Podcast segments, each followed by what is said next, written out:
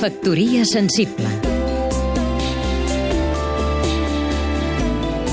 Isona Passola, productora de cinema A Catalunya el cinema roda en llengües diverses i la tria de la llengua és una opció lliure del director. Però sovint directors que voldrien rodar en català no ho poden fer.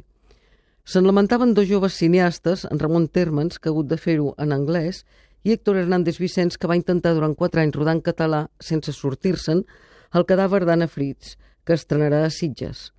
El mateix va passar amb la premiada 10.000 quilòmetres. Malauradament, això respon sovint a autocensures del propi creador o del productor, com si encara tinguéssim enganxat al clatell el síndrome del taxi groc. Durant anys, els distribuïdors ens deien que si filmàvem a Barcelona, sobretot que no sortís cap taxi groc, perquè no trobarien distribució a Espanya. Aquest és un temor, a part de ridícul, absolutament fals. Quan una pel·lícula és bona, la gent d'arreu la veu en la llengua original que li dona la màxima credibilitat. I Europa ha assumit que, enfront de la globalització i la prepotència del cinema americà, l'idioma del cine europeu és la subtitulació i d'això n'ha fet bandera en nom de l'excepció cultural. Quan entendrem la diversitat lingüística no com una nosa, sinó com una riquesa, com una aportació al diàleg i a l'obertura mental?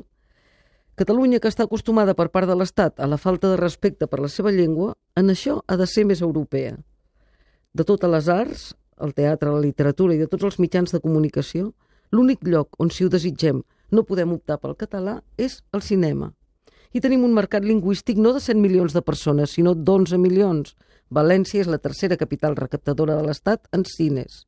Per tant, un mercat potencial superior al de la llengua danesa o l'holandesa, que tenen cinematografies molt exitoses. Quan començarem a ser normals? Visca el cinema català i en català. Factoria sensible Seguim-nos també a catradio.cat